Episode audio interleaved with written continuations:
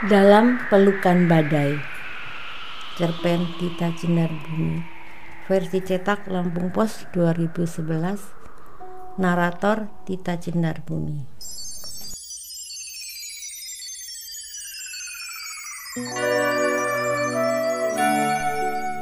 Luka tergambar jelas di mata perempuan renta itu. Kerut di wajahnya tak bisa berbohong betapa syarat beban hidupnya.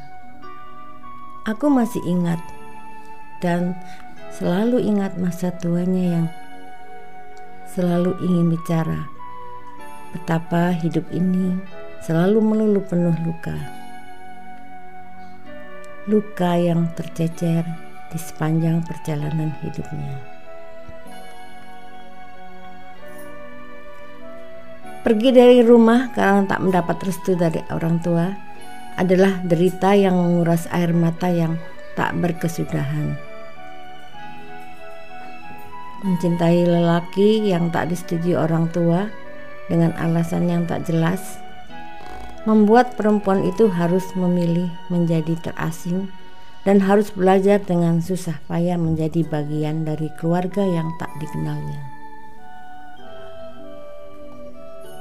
Sungguh, cinta membuat hidup perempuan itu berubah drastis. Kehidupan mewah anak pejabat harus secepatnya dilupakan. Jika tak ingin berkubang lebih lama dalam dunia mimpi. Kebiasaan memakai baju bagus dan naik turun mobil harus dinyahkan dari benak. Dunianya sekarang seperti jungkir balik. Perempuan itu kini bukan lagi anak pejabat. Ia kini seorang istri, laki-laki biasa, laki-laki yang lebih banyak menghabiskan waktunya di jalan mencari uang demi kehidupan barunya sebagai kepala keluarga. Meski kadang pulang dengan tangan hampa. Cinta adalah satu-satunya milik perempuan itu. Ia di usia yang masih muda harus menerima hidup apa adanya. Tak bisa lagi ia menikmati kehidupan yang selalu diwarnai dengan limpahan harta. Kini menjadi seorang istri, ia harus belajar menerima keadaan. Untunglah ia mendapat keindahan yang tak ia rasakan di istana bapaknya yang pejabat. Di rumah barunya, keluarga barunya, ia cukup dilimpahi perhatian dan kasih sayang. Di keluarga barunya, ia belajar hidup yang sebenarnya. Suatu malam aku terbangun karena isak tertahan perempuan itu dari balik guling yang menutupi wajahku, kulihat matanya yang tak hanya berkaca tak hanya berkaca-kaca seperti biasanya. Kini air di kedua telaga itu telah merembes perlahan di pipinya yang tirus. Aku ingin memeluknya. Ingin bertanya mengapa ia menangis. Meski pikiranku sibuk menduga-duga apa penyebab perempuan itu menangis, tetap saja aku tak mampu melakukan itu.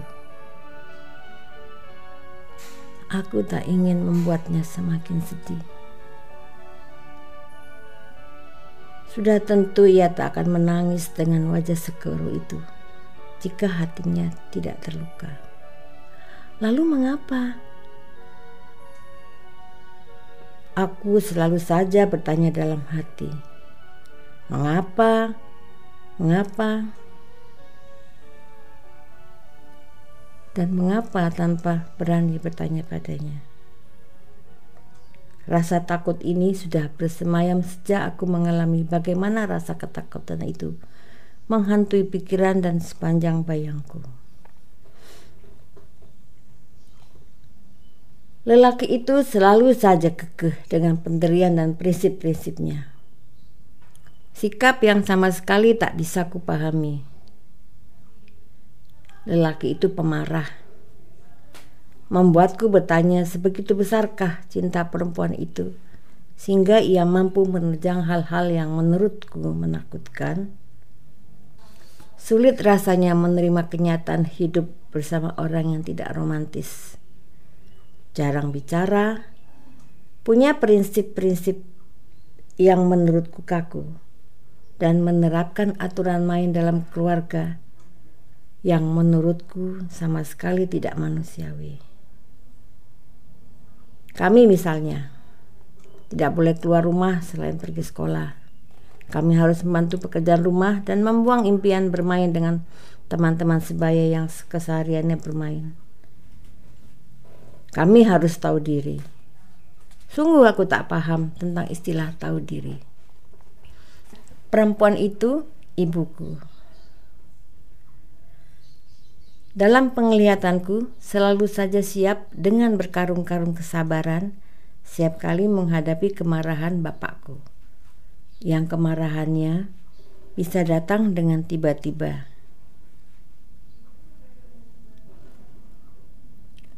Sampai aku dapat menghitung hanya beberapa kali bapakku tersenyum dalam seminggu. Tetapi ibuku selalu saja membuatku ternganga. Ia selalu menyiapkan senyum setiap kali menghadapi kami. Anak-anaknya yang tak bisa berbuat apa-apa ketika ia berada di tengah amukan badai kemarahan Bapak. Sampai suatu ketika, aku ingin sekali mengetahui apa yang membuat bapakku menjadi pemarah. Ketika kanak-kanak, aku hanya mengenal dua hal tentang manusia. Jika ia lebih banyak diam dan suka berkata keras, ku sebut marah. Dan bila ia banyak bicara dengan bibirnya selalu tersenyum, maka ia ku anggap orang yang baik hati. Aku memang belum pernah melihat tangan bapakku mendarat di pipi ibuku. Sebab menurutku ibuku tak pantas mendapatkan perlakuan seperti itu. Ibuku seharusnya dilimpahi kasih sayang atas kesabaran dan pengabdiannya pada bapak dan keluarga. Tetapi ibuku selalu saja membuatku cemas dan tanpa sadar. Tetapi ibuku selalu saja membuatku cemas. Dan tanpa sadar, kerumas semua benda yang berada di genggaman tanganku. Setiap kali melihat kesabaran ibuku yang tak pernah berubah. Aku kesal melihat Aku kesal melihat sikapnya yang nerimo. Tak banyak bicara apalagi membantah. Mungkin itu pula yang membuat ibuku disayang nenek dan tante-tanteku. Kadang aku tak paham mengapa ibuku bisa bersikap baik pada orang yang pernah menyiksaku. Orang yang nyaris saja membuat kehilangan masa depanku. Untunglah aku bisa mengendalikan diri dan terus melangkah menuju masa depan. Mungkin kesabaran ibukulah yang menjadi cermin dalam menghadapi kejamnya hidup. Ibu jangan diam saja jika diperlakukan tidak adil oleh Bapak. Ujarku dengan suara lirih. Tak sanggup rasanya memberi tekanan pada kalimatku. Apalagi ketika melihat raut wajah ibuku yang datar tanpa ekspresi. Hanya matanya saja yang beriak.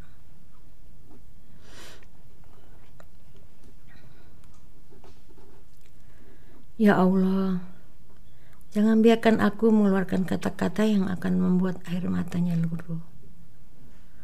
Aku tak mau menjadi anak durhaka. Maaf bu, maksud saya, ibu bicara pada bapak. Jangan diam saja. Ibu tidak salah.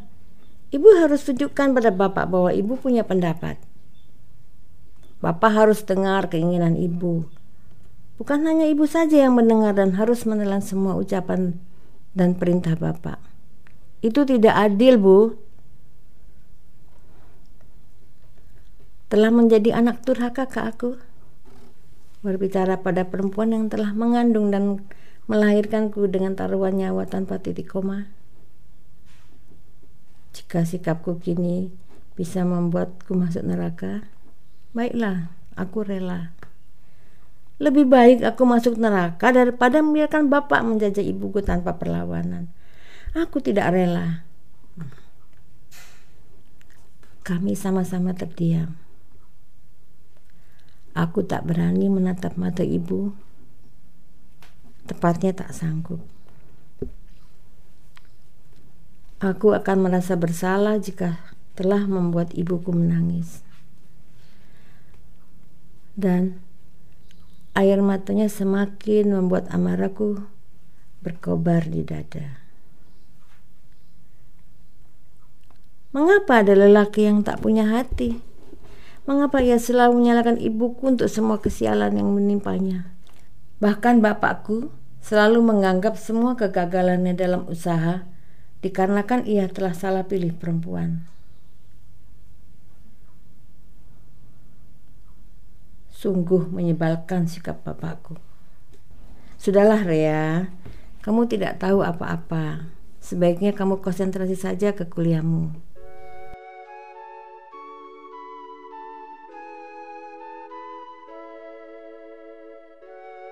Begitu selalu yang ibu ucapkan setiap kali aku protes. Bahkan juga membuat darahku mendidih adalah ketika Tante V datang ke rumah. Tante V adalah kakak bapak yang menampungku selama kuliah di luar pulau. Dengan pongahnya ia berkata, "Kalau bukan karena adikku, saya tidak mau minum pakai gelas ini." Ujarnya setelah mencium gelas yang dipegangnya. Gelas model lama warisan nenek. Oh, betapa sombongnya perempuan itu. Ia telah menghina ibuku. Ia mencium gelas seakan gelas itu bau dan menjijikkan. Dan lagi-lagi ibuku tak melawan. Ia menerima semua hinaan dengan pasrah. Mengapa ibu diam saja? Gelas itu memang jelek, tapi bersih dan tidak bau. Terlalu sekali Tante V menghina kita. Aku mengebalkan tanganku. Rasanya ingin menonjok mulut perempuan sombong itu. Jangan terpancing emosimu, Rea. Bukankah selama tinggal bersamanya, kamu sudah mengenal dengan baik tantemu itu? Ujar ibu, seraya menarik tanganku. Perlahan, ia membuka kepalan tanganku dengan tangannya yang ringkih dan kasar. Jika ia menghinaku atau bahkan mencaci maki Aku terima ibu, tapi jangan menghina ibu. Kataku masih dengan suara tinggi. Ibu tahu kamu menderita tinggal bersama mereka. Tapi ibu lihat kamu sudah bisa menerima keadaan itu. Begitulah kalau kita menumpang harus tahu diri. Kita jangan melawan kekerasan dengan sikap yang keras juga, Rea. Untuk itulah kita harus belajar sabar dan ikhlas menerima semua keadaan. Kata ibuku dengan senyum yang terasa ketil.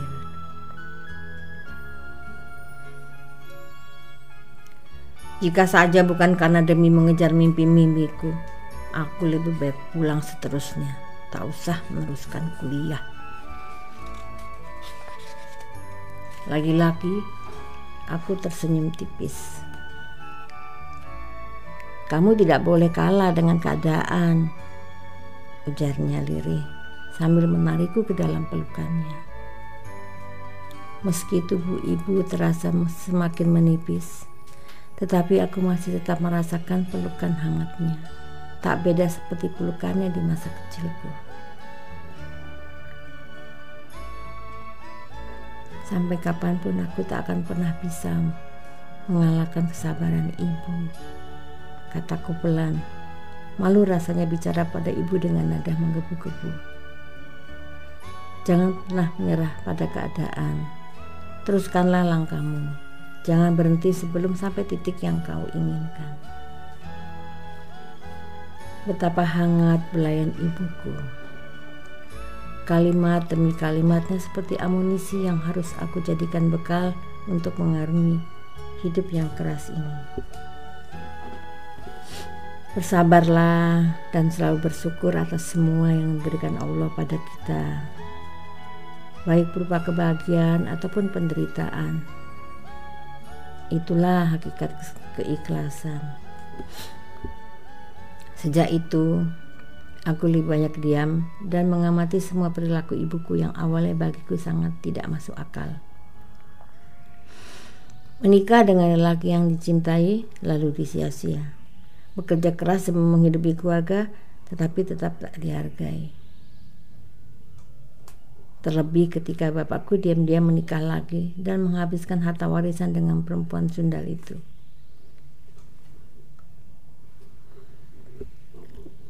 Aku benci laki-laki, bahkan sampai tak percaya pada kata cinta dari laki-laki mana pun.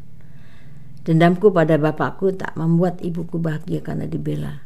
Ia malah menegurku dengan kalimat ia malah menegurku dengan kalimat yang halus tapi menohok. Kita tidak boleh memendam dendam, apalagi pada orang tua. Seburuk apa pun, ia tetap bapakmu. Ujar ibu saat dengan tegas kuperlihatkan kebencian pada bapakku yang kala itu sedang sakit keras. Aku benci laki-laki, bahkan sampai tak percaya pada kata cinta dari laki-laki mana pun. Dendamku pada bapakku tak membuat ibuku bahagia karena dibela. Ia malah menegurku dengan kalimat yang halus tetapi menohok. Kita tidak boleh memendam dendam, apalagi pada orang tua. Seburuk apa pun, ia tetap bapakmu. Ujar ibu saat dengan tegas kuperlihatkan kebencian pada bapakku yang kala itu sedang sakit keras. Ibuku, Mbak Peri tetap senyum saat merawat bapakku yang sudah tak berguna dan bikin repot semua orang. Aku tercenung melihat bagaimana tangan rapuh ibu mengompres kening bapak yang sedang demam tinggi. Di mana ibu belajar untuk semua hal yang aku tak bisa itu? Bagaimana ibu bisa mencintai laki-laki dengan tulus di atas semua derita yang ia rasakan sepanjang perkawinan mereka? Jika kan karena kami anak-anaknya. Lalu untuk siapa? Lalu ketika bapakku meninggal, aku melihat ibuku menangis. Aku tak berani menduga-duga. Air mata kepedihan karena berpisah dengan lelaki yang dicintainya, atau menangis karena telah selesai penderitaannya. Ah, aku tak mau menjadi durhaka karena dugaan gila yang tak seharusnya ada di kepalaku. Tanah itu masih basah, luapan tangis masih tersisa raungnya.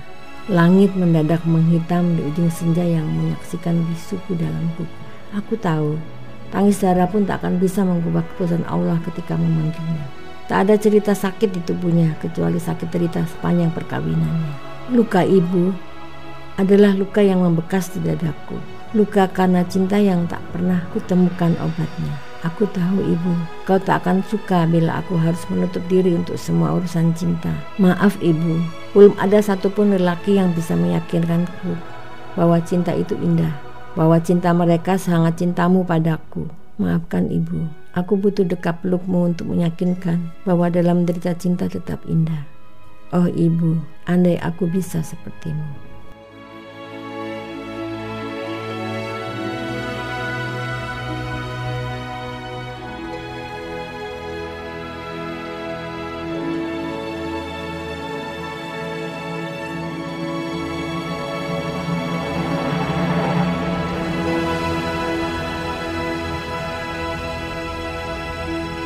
Sastra suara ini dipersembahkan oleh divalitera.org.